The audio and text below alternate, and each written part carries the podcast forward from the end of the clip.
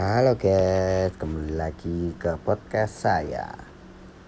Jangan lupa support selalu podcast saya, semoga bermanfaat bagi kalian semua dan semoga ke depannya lebih baik lagi untuk saya mencari konten-konten yang bermanfaat. Itu guys ya, oke.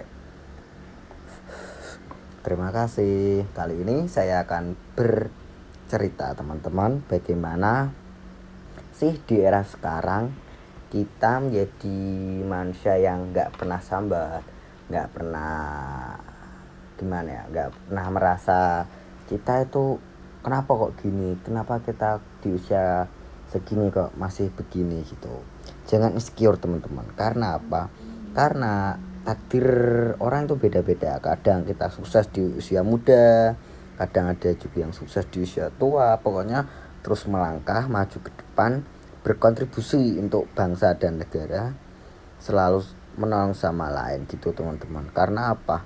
Kalau kita menolong sesama pastinya tiba-tiba pasti nggak tahu entah besok atau kapannya atau berapa tahun lagi berapa bulan lagi berapa hari lagi.